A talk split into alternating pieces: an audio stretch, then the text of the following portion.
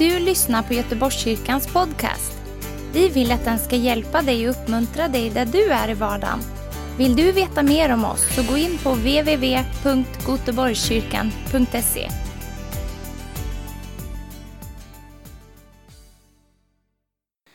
Vi ska snart be tillsammans, men vi ska, det är jag, Niklas Lorentzon från Staffanstorp, Skåne, och Anders Valund, Wahlund, jag tappade efternamnet där. Vi ska dela på detta. Eh, jag hörde Anders första gången för 25 år sedan på Rönnäng, på ett ungdoms, en ungdomssamling. Eh, och jag undrade, jag gick satte mig på den här ungdomssamlingen och så började han prata och så kom Guds närvaro. Eh, och jag liksom, vem är han? Vad är detta? För det var bara en vanlig samling och så någon gäst som jag inte visste vem det var. Jag var kanske 15 eller 14, det var mitt första minne av dig. Härligt, nu gör vi detta ihop. Ja, men vi bara ber, vi, vi lägger våra hjärtan i, i Guds hand här. Heligande, tack för att du är här. Vi bara ger dig plats, vi ger dig utrymme den här timmen. Sätter bara som en eh, parentes, som en ram runt, runt den här timmen. Vi låter inte någonting eh, hindra att du får utrymme här, utan heligande kom, heligande tala till oss. Heligande verka, heligande Eh, led mig, led oss, tala till oss. Eh, gör oss brinnande för dig. Låt oss höra din röst. Låt sånt som är oväsentligt falla från våra liv. Låt, låt det som du älskar vara brinnande i våra hjärtan. Låt oss älska det som du älskar. Låt oss avsky det som du avskyr. Låt oss ignorera det som du ignorerar. Vi tackar dig Jesus. Du är kung. Amen. Amen. Så det här är ju Bibel och bönen, är ju liksom överrubriken. Och så eh, just nu då så handlar det om att, att vara ledd av anden eller någonting sånt var rubriken va? Alla bara så vi vet vad det är vi har kommit på församling. Är ni med på det? Ja. Och eh, om du har Bibeln med dig så slå upp Romarbrevet kapitel 12. Jag ska prata en liten stund nu, sen ska Anders prata en liten stund, sen ska jag prata en liten stund. Och sen så ska vi få en del tid att eh, be för varandra i lite mindre grupper och lyssna in Guds röst för varandra och så. Så eh, tanken är inte nu att vi ska prata här i en timme, utan det här är ju workshop. Det betyder att du ska jobba och jag ska shoppa. Det är så det betyder va? Så Romarbrevet kapitel 12 och jag, jag har nu-bibeln nu, så jag, jag, läser i den här, men sen så jag ska ta hjälp av lite olika, ett par andra översättningar också. Men där står det så här då. Därför uppmanar jag er nu syskon, vid Guds barmhärtighet, att ge era kroppar som ett levande och heligt offer till Gud, till hans behag. Det ska vara er andliga gudstjänst. Anpassa er inte efter den här världen, utan ändra ert sätt att tänka så att ert sinne förnyas. Då ska ni förstå vad Gud vill, vad som är rätt, vad som glädjer honom och vad som är fullkomligt. Eh, och jag ska bara läsa den här, jag, har den här kärnbibeln, har ni, har ni koll på den? Det är som en Amplify-bibel fast på svenska, där man får lite mer information. Så jag bara läser den, eh, de verserna på, i den översättningen, även om det är lite krångligare. Jag ber er, står enträget vid er sida, uppmuntrar och förmanar er. Därför, på grund av Guds nåd, mina syskon, vid Guds barmhärtighet, att ni ska bära fram era kroppar till ett levande, livslångt heligt offer som behagar Gud. Detta är, är er äkta, eller ordagrant logiska, rimliga eh, gudstjänst. Eh, och anpassa er inte efter den här tidsåldern, identifiera er inte vid den här, vid den här världens system, uttryck, mönster och ideologier. Utan låt er förvandlas, förnyas inifrån, inta en helt ny form genom sinnets, era tankars förnyelse så att ni kan pröva, undersöka, analysera, urskilja och sedan avgöra vad som är Guds vilja. Ehm, det som är gott och välbehagligt och fullkomligt. Ibland när vi talar om att, att vara ledd av Gud och Guds vilja så är vi så här, vi är så här ute efter, Gud tala till mig. Vi är liksom ute efter Guds röst. Eh, led mig i den här situationen nu. Eh, men de allra flesta situationer när vi vaknar, vi går till skolan, vi går till jobbet, vi lever i våra relationer, vi lever i våra familjer. Det allra mesta är ju bara våra liv. Vi stannar ju inte upp var tionde sekund och frågar, ska vi gå höger eller vänster, ska, vi, ska jag göra så och så, utan det är ju vissa situationer som jag liksom känner att jag verkligen behöver ha råd. Heligande hjälp mig nu, nu vet jag inte vad jag ska göra. Eh, men den allra största delen av mitt liv är ju min vardag, det är ju liksom bara mitt liv. Är det så för dig också? Eller stannar du upp var 30 sekund? Heligande, är jag på rätt väg nu? Nej, vi lever ju inte så. Eh, och det är inte heller så som Gud vill att vi ska leva. Och han leder ju dem som har gett sig själv till honom. Eller Det är ju utgångspunkten, så som, Eh, så som det predikades i förmiddags här, att, att han är kung och hans församling är ju de som har böjt sig, som har bekänt honom som kung. Eh, så vi följer ju honom. Eh, och om, om ni vill ha ett litet tips här så börjar det här bibelordet med Därför uppmanar jag er nu syskon vid Guds barmhärtighet att ge era kroppar som ett levande heligt offer.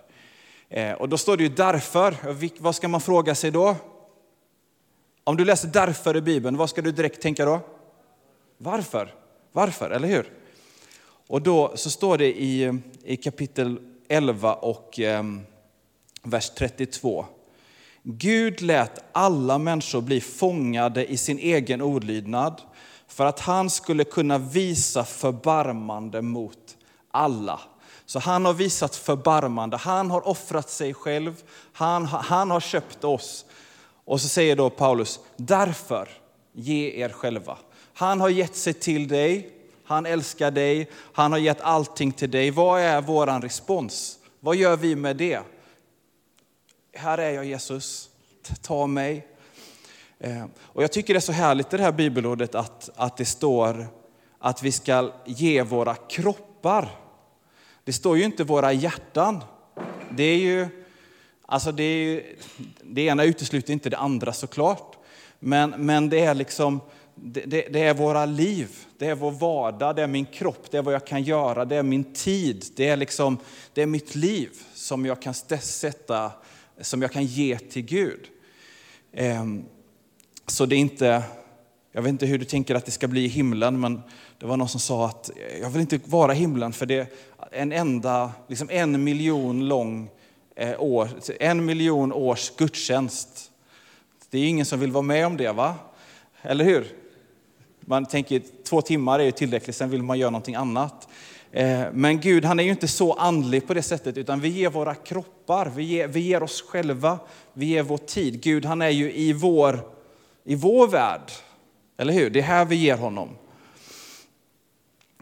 Eh, så det är utgångspunkten, att okay, vill jag vara ledd av den helige Ande, vill jag vara ledd av Gud, då får jag börja med att ja, jag får överlåta mig till honom. Det är inte att han ska leda mig på mina premisser. Det är inte att han ska leda mig när det passar mig att få ett ord. Utan här är jag Jesus, du är kung, jag följer dig. Var går du någonstans? Vad tycker du om Jesus? Vad älskar du? Vad, vad, vad, vad gör du i mitt liv? Vad gör du i min församling? Vad gör du i mitt sammanhang? Och så får jag hänga på honom. Det är inte han som hänger på mig, det är jag som hänger på honom. Och så när jag då har gett mig själv, då är ju nästa, det som blir automatiskt då, nu följer jag Jesus och han går åt det hållet och hela världen går åt ett annat håll. Och då blir det massa frågor så här, ska jag vara som alla andra nu eller ska jag följa Jesus? Och då kommer ju det, det här direkt då, anpassa er inte efter den här världen utan förnya era tankar, ert sinne. Eh, och det är ett väldigt starkt ord. Det, det, som händer med oss det är den här eh, metamorfos. Alltså vi blir helt inifrån och ut. Om vi är i den här processen så blir vi helt nya människor. Så som, är det en larv som blir en fjäril eller? Ni som har varit på biologilektionerna. Metamorfos. Eh, så det är ju någonting som var på ett visst sätt. Om, om, om en sån människa ger sig, ger sin kropp till Gud. Så om tiden får gå så kommer allting förvandlas för den människan inifrån och ut. Ehm, om man får lov, om man får lov att vara i processen. Eh, jag är hemma hos några familjer nu som precis har tagit emot Jesus. Och det är ju väldigt rörigt. Det kan ju vara väldigt mycket rörigt när, en, när första personen, eller en person har tagit emot Jesus i en familj. Eh, och så tänker jag så här, men ah, att det ska vara så rörigt här liksom. Men så tänker jag på mitt eget liv. Det var min farfar tog emot Jesus. Han var den första i min släkt. Han var alkoholist. Hans barn hade det inte bra. Eh, hans fru hade det inte bra. Han tar emot Jesus, får sitt liv förvandlat. Men, men det blir liksom inte perfekt direkt. Men, men de, de, processen börjar och hans barn tar emot Jesus. Hans fru tar emot Jesus. Hans barn Eh, hans barn, några av dem blir ledare i församlingen lite senare. Hans barnbarn är pastorer och församlingsplanterare och missionärer. Och hans barnbarns barn nu, han är ju död idag, men det är ju mina barn då. De, de tar emot Jesus nu. Och, eh, så så om, om processen med Guds vilja får börja i en familj, så låt tiden gå, så blir det en metamorfos. Ehm, och när vi är i den här processen, så till slut så vet vi Guds vilja. Eller hur? Det är inte så svårt de flesta, 98 av 100 frågor, Gud vad vill du göra här? Vad vill du göra i mitt liv? Jag vet ju Guds vilja. Och snart ska jag lämna över. Ehm, men i morse så, jag läste ju lite vad jag skulle dela idag. Och så bara fortsatte jag läsa kapitel 12, kapitel 13, kapitel 14. Så tänkte jag så här, okej, okay, vi undrar, heligande vad vill du? Ja, men om jag bara är upptagen med att göra kapitel 12, kapitel 13, kapitel 14, vara brinnande i anden, vara gästfri, eh, eh, ta hand om mitt samhälle som jag lever i, ta hand om de lite svagare i församlingen eh, och alla de här sakerna. Det hade varit väldigt få gånger när jag inte skulle vara upptagen med att göra Guds vilja då. Och allting står redan här.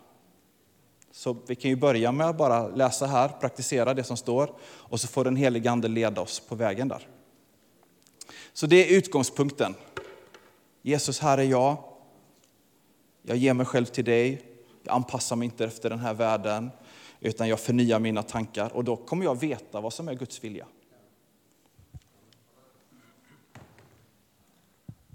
Ja, det är jättespännande det här med den heliga Andes ledning.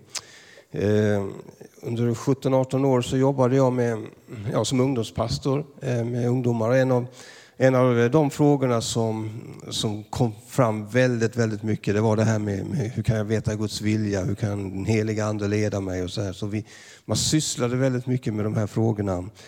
Och eh, många gånger så känns det som att vi gör det lite komplicerat av att ledas av den heliga Ande när det egentligen är väldigt enkelt och väldigt naturligt.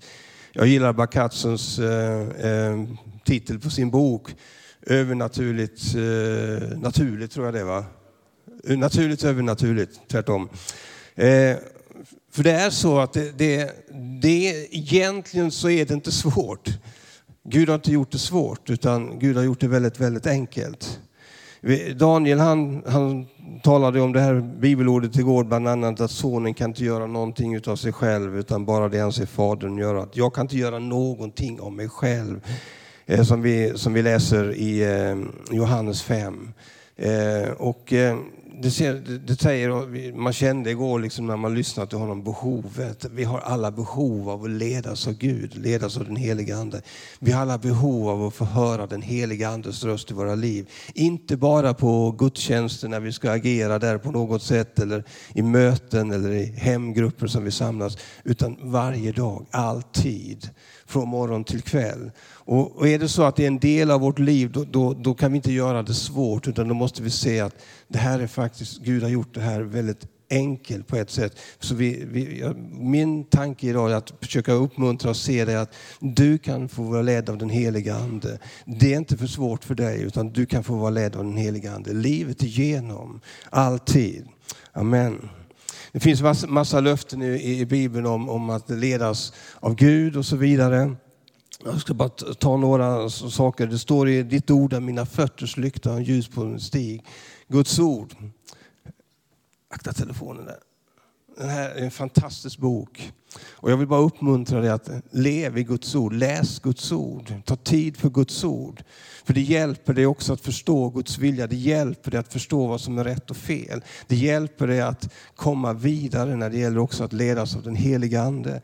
Vi har också löften i Bibeln. Vi har eh, eh i Jeremia 31 och 9 där det står att jag ska leda dem där de går bedjande fram. Det innebär att, att min relation med, med Gud i bönen, där jag har relation med honom, den är oerhört viktig för mig när det gäller att komma fram till Guds vilja i mitt liv. Den är också oerhört viktig när det gäller att kunna lära mig att lyssna in den heliga Andes röst. För att det här handlar inte om en 1, 2, 3 stegs raket där jag liksom får tre steg och så har jag lösningen sen. Det här handlar om min relation med Gud. Min relation med Jesus Kristus. Det handlar om min relation, att jag också lär känna den heliga Ande i mitt liv. Och då, det, det, gör jag, du har varit inne och snuddat på det här Niklas också. Det gör jag när jag, har, när jag är tillsammans med honom. Det fanns ett bibelord som jag tyckte var ganska tråkigt när jag var lite yngre. Och det är det Matteus 6 och 6 där det står att du ska gå in i din kammare och så eh, stänga din dörr och så ska du ehm, be till din fader i det fördolda så ska din fader som är i det fördolda belöna dig, står det. Jag tyckte ju om att vara där det hände saker. Jag tyckte om att vara i de stora mötena där Guds kraft kom och liksom man kände hur det vibrerade och man blev vidrörd och fick möta Gud. Jag tyckte ju om att vara i det som hände där. Va? Men sen lärde jag mig efterhand, jag kan inte leva på det. Utan jag fick lära mig efterhand att det har faktiskt betydelse för mig att kunna gå in i min kammare. För det handlar om, och det är också någonting jag fått lära mig i livet, att, att stillhet med Gud, det, det är oerhört viktigt. Och Det handlar också om att liksom mitt eget kött, liksom att ta, ta itu med sitt eget kött som inte vill be, som inte vill ta den tiden.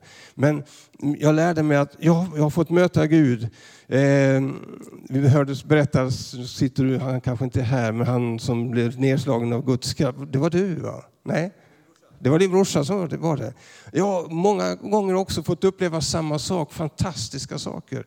I, när man har varit i samlingar och fått möta Gud på så starkt sätt. Men med tiden så lärde jag mig att mina starkaste upplevelser med Gud, med den starkaste närvaron, Guds närvaron, det har jag faktiskt haft när jag har varit själv med Gud. Hur jag har sökt hans ansikte och så plötsligt har den heliga ande bara varit där och liksom jag har bara kopplat ihop med honom och bara upplevt liksom en härlighet. Så mina starkaste upplevelser med Gud och när han har talat, det är när jag har varit alldeles själv med Gud. Och det kan vara i ett rum där hemma hos dig. Det kan vara när du är ute och går i skogen. Det kan vara när du sitter i bilen och kör och är alldeles själv. Det spelar inte så stor roll, men att du hittar en plats med Gud där du lär dig lyssna in med honom. Och du förstår att det är relation. Och Det innebär att det är inte teknik det handlar om, utan har du relation så, så, så lär du dig det här. Eh, Jesus han undervisade också sina lärjungar om att höra Guds röst. Han säger det i Johannes 10 och 4, att han, när han fört ut alla sina får så går han före dem och fåren följer honom därför att de känner igen hans röst. När du tar emot Jesus, eh, får Guds ande inom oss och blir uppfylld av den heliga ande, så, så, så liksom, det är liksom ingen teknik eller någonting vi ska lära oss. Utan det, det är självklart att varje Jesu lärjunge som är överlåten till honom hör Guds röst. Det är inget konstigt i det. Så precis likadant som när jag växte upp och kände igen min mammas och pappas röst. Det vore ju väldigt konstigt om jag inte gjorde det, eller hur? Men jag gjorde det. Jag kände igen deras röst. De behövde aldrig presentera sig för mig eller förklara vilka de var. Utan jag bara visste, det är mamma och pappa. Eller hur? Och lika, likadant är det i min relation med Jesus. Alltså, lika naturligt borde det vara för mig bara att höra, jag bara känner igen honom. Varför? Jo, för jag är tillsammans med honom. Och när jag är tillsammans med honom och ju mer jag är tillsammans med honom, ju mer jag är med den heliga Ande, ju, ju lättare har jag att bara koppla ihop med honom. Så jag vill bara uppmuntra dig att ta tid med Gud, för det är också en väg att få, få på ett tydligare sätt bli ledd av den heliga Ande i ditt liv. Det finns många tankar om hur man upplever Guds röst i sitt liv. Eh, och eh, vi bara läser något bibelställe också från Johannes 14 och vers 16 till 17. Hur vi upplever Guds röst. Jag ska be Fadern och han ska ge er en annan hjälpare som alltid ska vara hos er. Sanningens ande som världen inte kan ta emot. Ty världen ser honom inte och känner honom inte, men ni känner honom eftersom han förblir hos er och ska vara i er. Många gånger när jag var yngre så kände jag liksom att jag hörde att Gud talade, sa någon då. Den helige ande sa. Wow! Jag tyckte det var så fantastiskt. Hur kan, hur kan de höra liksom Gud tala till dem? Och det, det liksom, och så, jag, jag hörde inte Gud så, han har aldrig sagt någonting till mig. Och så lärde jag, så, ju mer som Gud visade mig och så här så förstod jag det här betydde, när jag, när jag blev uppfylld av den helige ande, när jag tog emot honom så var det ju inte så att då är inte han utanför här någonstans. Ibland har jag hört liksom att ja, nu kommer den heliga ande genom, genom dörren där borta på något sätt. Och då, aha, det kom anden. Ja, så försvann han väl någonstans. Nej, den heliga ande är i mig och dig. När du har den heliga Ande i och dig, dig, så han bor i dig, han finns där för alltid, varje dag. När du vaknar på morgonen, när du sover på natten, så finns den heliga Ande i dig. Du, du är ett tempel för den heliga Ande. Din kropp är ett tempel, han bor där. Han finns där hela tiden. Och det här vill jag bara hjälpa dig att, att se att den helige Ande talar till dig. Var var han någonstans? Var? Nej, han var inte där ute va? Han var inte hos den pastorn eller det mötet, han var här. Och bor den helige ande i mig så är det helt självklart att när han talar till mig så är det mest naturliga, då, då är det en röst som jag hör inifrån, eller hur? Den helige ande talar till mig genom min ande där den helige ande bor. Och så talar han till mig, då upplever jag naturligtvis rösten inifrån, eller hur? Jag kan höra den heliga Andens röst väldigt tydligt som att vi hör varandra. Men det mest vanliga är att det kommer inifrån. Amen. Ett ord som har betytt väldigt mycket för mig det är Romarbrevet 8 och 16 där det står att anden själv vittnar med, med vår ande om att vi är Guds barn. Halleluja. Den heliga ande talar till min ande. När jag tog emot Jesus så så fick jag del av den heliga ande och sen fick jag bli uppfylld av den heliga ande så att det flödade över. Men den heliga ande talar till min ande om att jag är Guds barn. Så jag bara vet, jag bara vet, jag bara vet att jag är ett Guds barn. Varför? Jo, för den heliga ande vittnar ständigt i min ande. Anders, du tillhör Jesus. Anders, du tillhör Gud. Anders, du är upprättad. Anders, du är rättfärdiggjord. Det är en helig ande talar till mig på det sättet. På samma sätt upplever jag många gånger att den heliga ande talar till mig. Den heliga ande talar genom min ande inom mig att, eh, och leder mig många gånger på det sättet. Men man upplever ju på olika sätt. Vi är ju väldigt individuella, eller vi, olika personligheter naturligtvis. Men oftast är det så här Gud leder oss, även om han leder oss på andra sätt. Eh, jag tänker på Filippus han hörde, han hörde någonting, anden talade till honom, står det. Eh, så, så, många gånger så, när Gud talar så, så på något sätt så, så berör han ju våra sinnen. Jag kan se någonting. Jag, jag kan höra någonting jag, jag, kan, jag kan känna någonting inom mig. Och oftast är det så vi lär känna den helige Ande. Så han, han, han, det är någonting som berör våra sinnen. Så när, när han talar till oss så är det någonting att jag bara ser, jag hör. Och då behöver det inte innebära att jag hör en röst, men det är, på något sätt så förnimmer jag någonting inom mig. En, någon typ av röst inom mig. Och eh, där jag hör den helige Ande tala. Jesus han det står i Markus 2.8 att Jesus, det var ju när han var i Kapernaum och så de hissade ner den här eh, lame mannen, de här fyra männen och hissade ner Jesus. Så var det ju naturligtvis eh, eh, de här eh, skriftlärde som, som var kritiska inom sig. Och så, så säger Jesus att han, han, att han kände inom sig vad de tänkte i sina hjärtan. Han kände någonting här. Så när den helige ande talar till dig så kan du få uppleva det på något sätt av det här. På det här sättet. Du finner in med någonting. En inre röst, en tanke. Men på något sätt så lär du dig i din relation med Jesus, med den helige Ande, så lär du dig att urskilja vad som är dig själv eller vad som är honom. Du känner på någonting på något sätt. Du lär dig att känna, det är Gud i det här. Du känner det, du ser det, du hör det. Och då är det viktigt hur du kopplar till det du känner, till det som du hör eller som du ser. Att du kopplar till den heliga Ande och liksom bara tar ett steg mot honom. Ja, jag är med. Och börjar att agera, säga, handla utifrån det som du upplever den heliga Ande talar. Och då är han där med sin kraft och leder dig. Han är där med sin smörjelse när du kopplar till den heliga Ande ihop med honom. Och så sker det. Snart klar Niklas, vi ska få en stund till det också. Halleluja.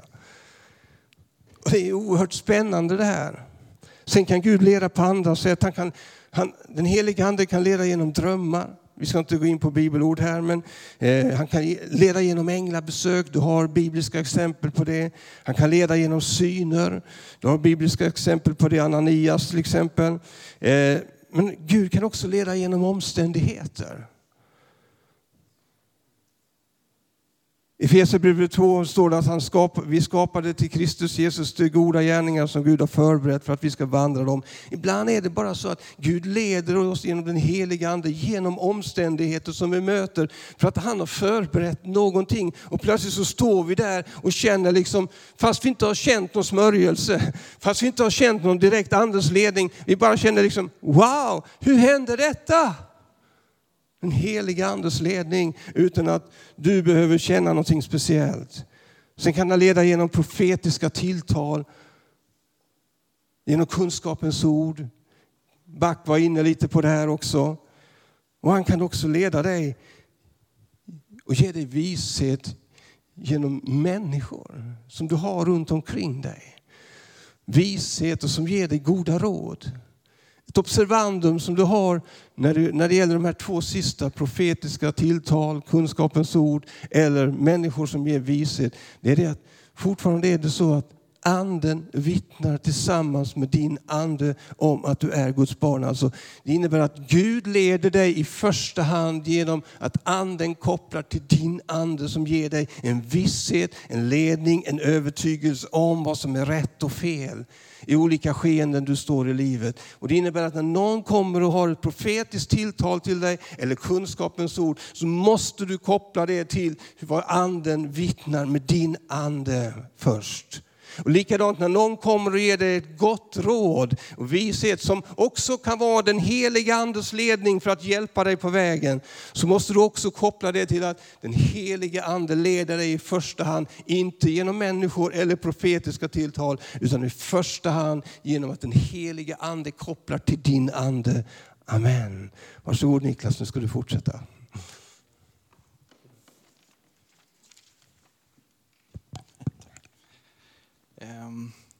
Det hände en härlig grej här i februari. Jag har bett Silvi komma. Kom, det här är min dotter. Och eh, det var, det var någonting som... Du var på en resa med mamma i Rom. Och på kvällen, den sista kvällen, så först hade du somnat, sen vaknade du igen och det hände lite grejer. Men vad, vad hände sen där på kvällen? Eh, eh, Gud talade till mig och eh, han pratade om min framtid och så. Och, ja. Hur, hur kändes det? Eh, jag var väldigt, väldigt eh, så här... Jag vet inte riktigt. Ja. Du, sa, du sa till mig att du var chockad. Ja, jag var väldigt chockad. Och så. Var det, kom det liksom en röst utifrån eller var det något som hände här inne? Eller hur kändes det? Eh, inuti kroppen. Och hade du varit med om detta innan eller var det första gången som något sånt här? Eh, första gången. Så, ja.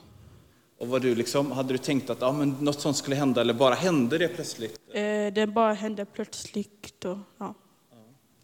Och eh, hur länge var detta ungefär tror du? Var det en kort stund eller var det en lång stund? Eh, långt, en lång stund. Ja, en halvtimme kanske? Ja. Och vad, och vad, eh, vad händer på söndag? Eh, Vad, vad ska du göra på söndag? döpa mig.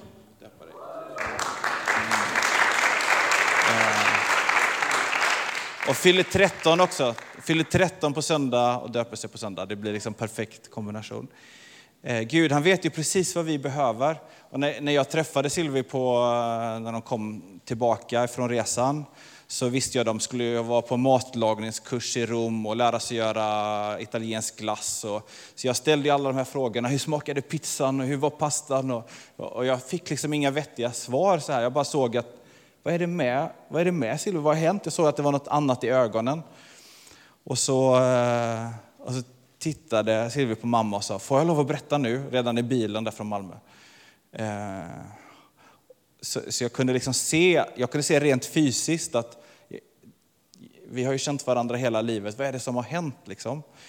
Eh, så det är så underbart med Gud. Han vet ju precis vad vi behöver, eller hur? För att när han leder oss. Eh, så fantastiskt och jag är ju så glad. Det är underbart. Ehm, vi ska, vi ska snart be för varandra och, och också prata om en sak. Eh, jag behöver lite feedback ifrån er här. Men först, du sa något bibelord som du inte tyckte om, eh, Matteus 6 där, som du tyckte när du var yngre. Det här bibelordet som jag ska läsa nu tyckte inte jag om när jag var yngre. Vi kör en sån tema här. Det är, det är Romarbrevet kapitel 12 och vers 3 då.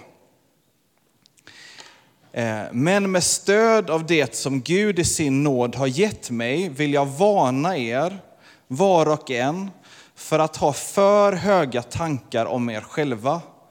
Tillämpa självkritik eh, i enlighet med hur mycket tro ni har. Och tron eh, har ni fått ifrån Gud. När jag läste detta när jag var yngre så tänkte jag, det här är inte skrivet för svenskar. Vi, det finns ju andra, typ från USA, så här, som har så bra självförtroende. De tror att de är så mycket. Men svenskarna är ju jante, så de, de tror ju ingenting om sig själva. Tänk om vi skulle tro ännu mindre om oss själva. Då hade det inte blivit något kvar till slut. Så, så tänkte jag när jag läste det här ordet. Eh, för jag fattar inte. Men nu pratar vi om att vara ledd av Gud. Du, och, och, och vi börjar ju där, du har gett dig själv. Du anpassar dig inte efter den här världen. Du förnyas genom sinnets förnyelse. Eh, och du, och du börjar nu förstå vad som är Guds vilja, vad som behagar honom, vad som är på hans hjärta. Och så kommer då detta, ha inte för höga tankar om er själva.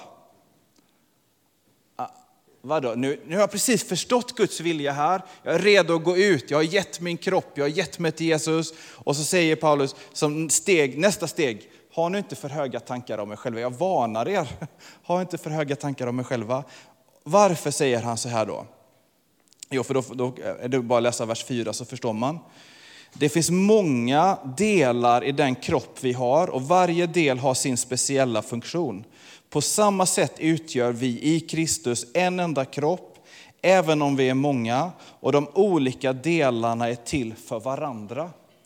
Så när vi, då, när vi då är ledda av anden och jag har gett min kropp, då kopplar ju Gud mig direkt till andra troende. Vi blir liksom ett lagarbete. Det handlar inte om att jag ska hitta Guds plan för mitt liv, utan jag ska hitta min plats i Guds plan.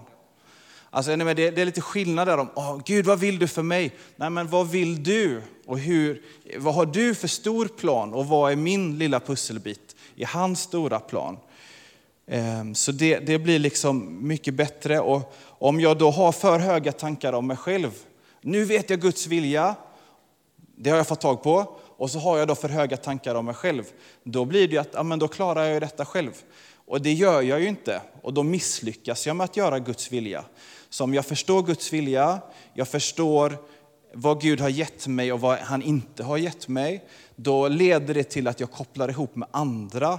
Och, och i det ihopkopplandet, där sker Guds vilja. För vad han vill är ju att bygga en kropp, ett folk, en församling, ett rike. Alltså det är ju tillsammans. Eh, det är inte jag som gör detta som en någon eh, enmansgrej, utan det är vi tillsammans. Eh, så att vara liksom en del av en församling, vara en del av ett team. Och jag delade på outreach, jag hade outreach-seminarium i, i, um, igår, bara kort vad intressant det kan vara. Det var en man som ringde mig i lördags, förra lördagen och eh, talade in på telefonsvararen och sa, eh, ja, jag tror du är Niklas, eh, jag har fått ditt nummer, jag behöver hitta vägen till Gud. Bra, bra eh, meddelande på telefonsvararen. Eh, så jag träffade honom eh, i torsdags för en vecka sedan, åtta dagar sedan.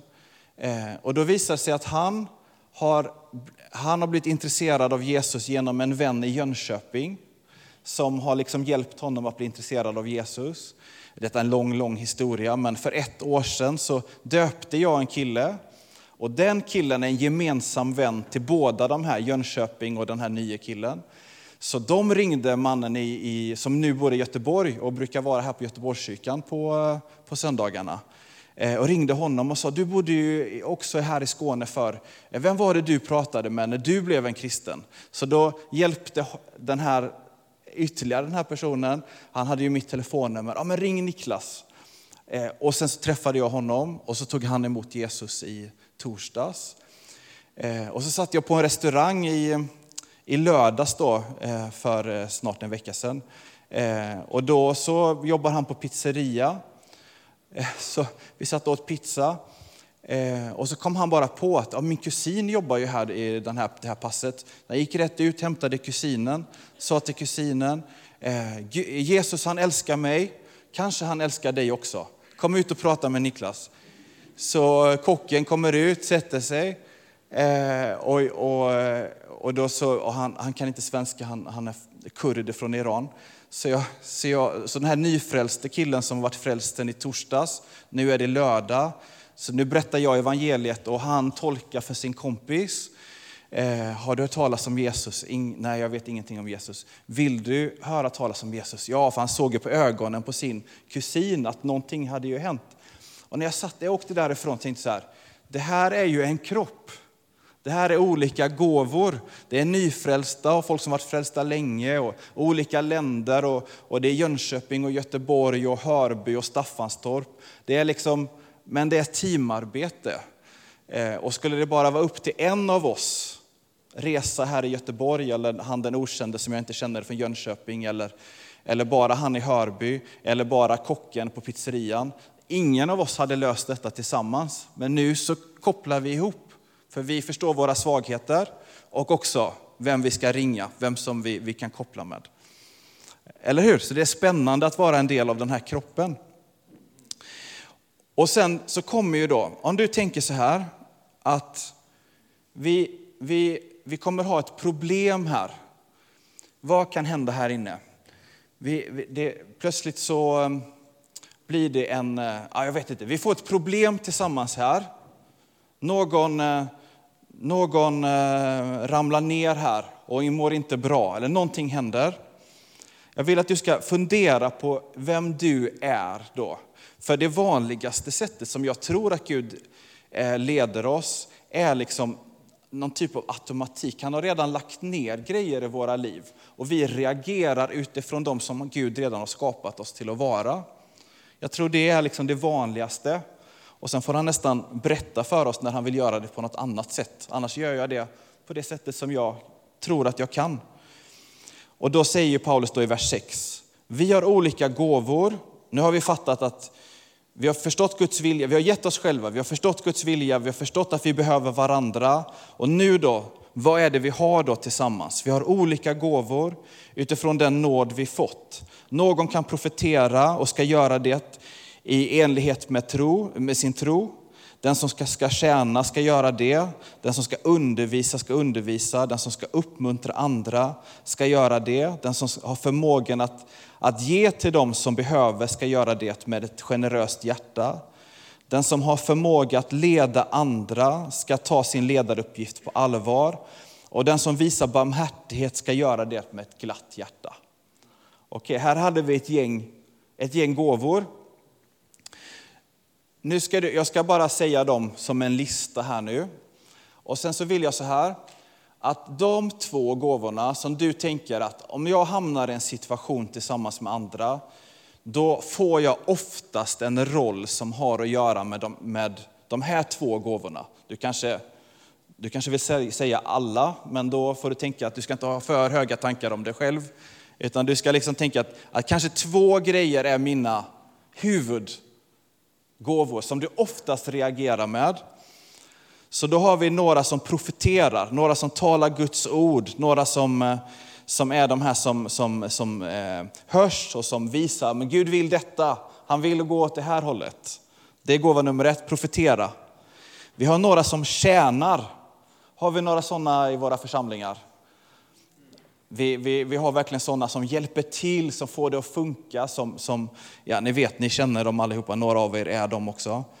Ehm, den som, och sen har vi några som undervisar, det är de som förklarar, det är de som skriver listor, det är de som skriver manualer, det är de som får det att funka. Ehm, rutiner, ehm, läroböcker. Och sen har vi några som uppmuntrar och tröstar. Känner du någon sån? Eh, och sen har vi de som har förmågan eh, att ge, de generösa. Eh, jag stod i kön här igår och så kom någon förbi och sa, vi, jag, jag bjuder er, de här som, så jag, jag blev bjuden. Och sen hann jag inte reagera för det kom någon annan från andra hållet och sa, ja, jag bjuder er, så vi blev bjudna på samma fika två gånger, så det blev betalt två gånger på samma fika. För att det finns så många som är generösa i fikakön här i Göteborgskyrkan. Eh, och sen har vi de som leder eh, och liksom samlar ihop och ser till så att, så att alla kommer på sin plats. Och sen har vi de som visar barmhärtighet, de som bryr sig, de som tar hand om de som är ledsna, som lägger armen om och, och lyfter. Okej, okay, fick du den lite så här? Okej, okay, tänk, du får tio sekunder i en situation när någonting händer. På din skola, i din klass, i din familj. Vi, vi har ett problem tillsammans. Vem blir du oftast i den situationen?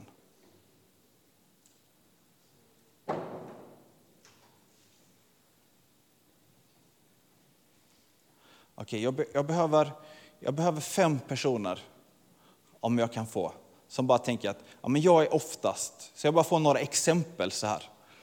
Jag blir oftast den som får styra upp det. Eller jag blir oftast den, ja. Ja, du kan, precis. Oftast är det så, man kombinerar lite. Ja. Vad, vad kände du när du hörde detta? Jag känner nog att gåvan att få leda, eh, leda och samla ihop som grupp och eh, komma med uppmuntran och eh, tröst. Precis, och då, då finns ju det naturligt där, så när Gud leder då är det ofta så att han sätter dig i de situationerna. Eller hur? I ett lag, i ett arbete. Någon annan som tänkte att ja, men i en sån situation då hamnar jag oftast i, i den här, vad det nu kan vara. Yes. Tjäna och att uppmuntra. Ja. Okej, då vet man vem man ska ringa om, om det blir jobbigt, man behöver skjuts eller det ska liksom, någonting ska lösa sig. Då ringer man ju de som redan har mycket att göra. Det är de som, vill man få något gjort, då ringer man de som är tjänare, de som redan har mycket att göra. Ja. Eh, Okej, någon annan så här. Hur brukar, hur brukar det bli för dig i ett, när ni ska lösa ett problem? Nomi, hur brukar det bli för dig? Ja, precis, jag vet. Du tar hand om, du ser till så att folk ändå mår bra och sen så styr du också upp det så att det blir lite ordning på detta. Eh, ja. Eller hur? Nå, någon sista. Hur, hur blir det för dig hemma? Kaos hemma. Man kan ju se detta mellan syskon också. Någon visar ledarskap, någon, någon städar upp. Någon, alltså det, det är liksom, vi har olika grundgåvor. Yes, Yes. Du profeterar. Okay, hur, hur, kan det visa sig? Liksom? Hur, hur, eh, har du något exempel? Liksom? Eller,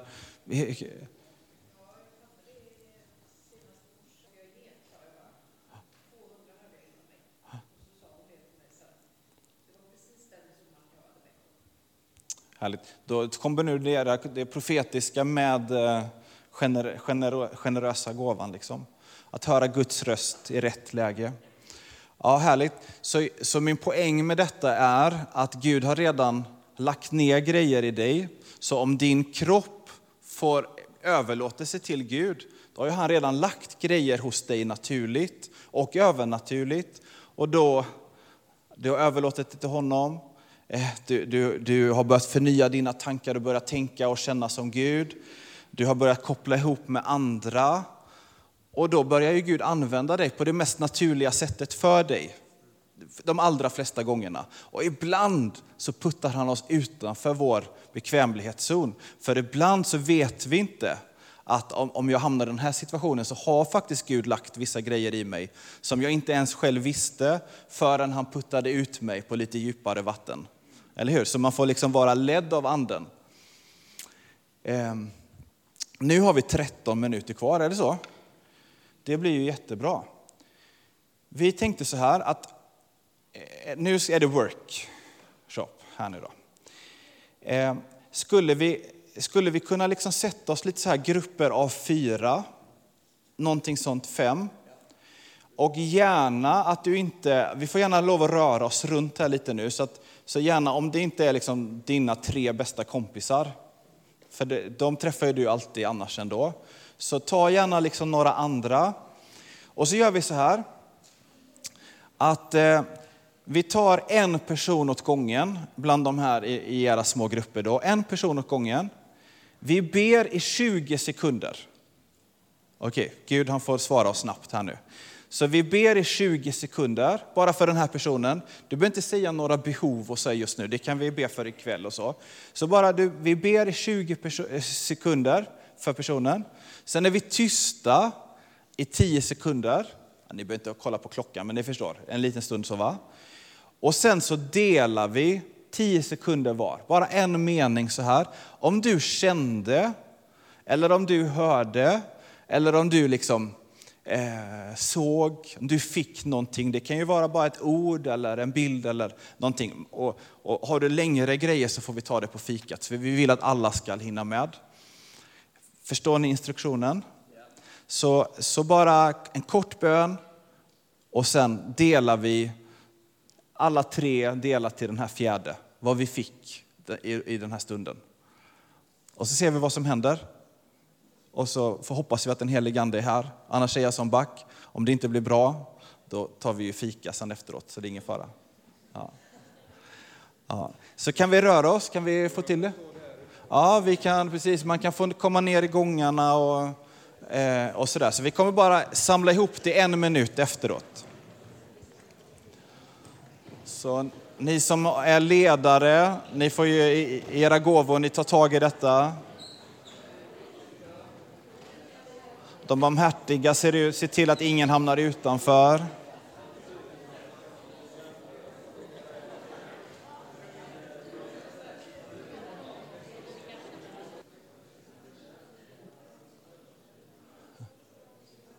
Vi tar, vi tar en liten paus. Bara håll, håll eh, meningen eh, i huvudet.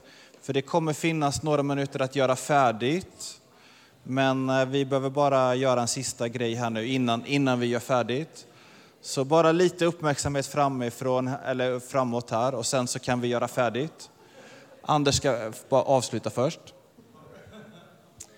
Jag ville bara skicka med er en sak eh, när Jesus han säger i Johannes 14 att han ska sända oss en annan hjälpare som ska vara hos oss då. Han ska lära oss allt och påminna oss om allt vad jag har sagt er. Så fortsätter han så här, min frid ger jag er. Eller lämnar jag er efteråt mig åt er. Min frid ger jag er. Och jag vill bara säga så här, när det handlar om, om att uppleva att få vara i Guds vilja, Guds plan och uppleva Guds ledning så, så är frid det, det är en viktig beståndsdel. Frid, det är mer än en känsla. Frid är ett tillstånd. När Jesus kommer in i mitt liv så kommer han med sin frid. Och jag kommer in i fridens tillstånd. Jag har det bra med Gud. Jag, har det, jag är rättfärdiggjord. Och när Gud leder mig och jag känner frid och glädje, då kan jag bara vara koppla av. För då vet jag att jag är rätt. Om jag inte är rätt, då skulle jag inte känna frid. Då skulle jag känna någonting motsats. Oro, frustration. Men när jag känner frid så är det ett tecken på att jag är rätt. Så jag vill bara skicka med dig, frid är oerhört viktigt. Du, du är kallad att leva i tillstånd av frid i ditt liv. Och när du är i Guds plan och Guds vilja, då, då finns friden där. Jag brukar säga det sen när, när, att eh, om man mår bra och så här, att ha frid med Gud och frid med gumman, alltså, då är allt bra. Då, då, då, då är det helt okej, okay. då behöver jag inte bekymra mig för något. Underbart, det låter härligt. Det låter härligt med sån shalom. Tack för att du har lyssnat. Dela gärna podden med dina vänner och glöm inte prenumerera. Om du har frågor eller vill att vi ska be för något så mejla oss på info På söndagar har vi veckans höjdpunkt. Då firar vi gudstjänst tillsammans och det vore så kul att träffa dig där. Men vi har även samlingar för barn då? Gå in på vår hemsida goteborgkyrkan.se så får du veta mer. Välkommen till oss!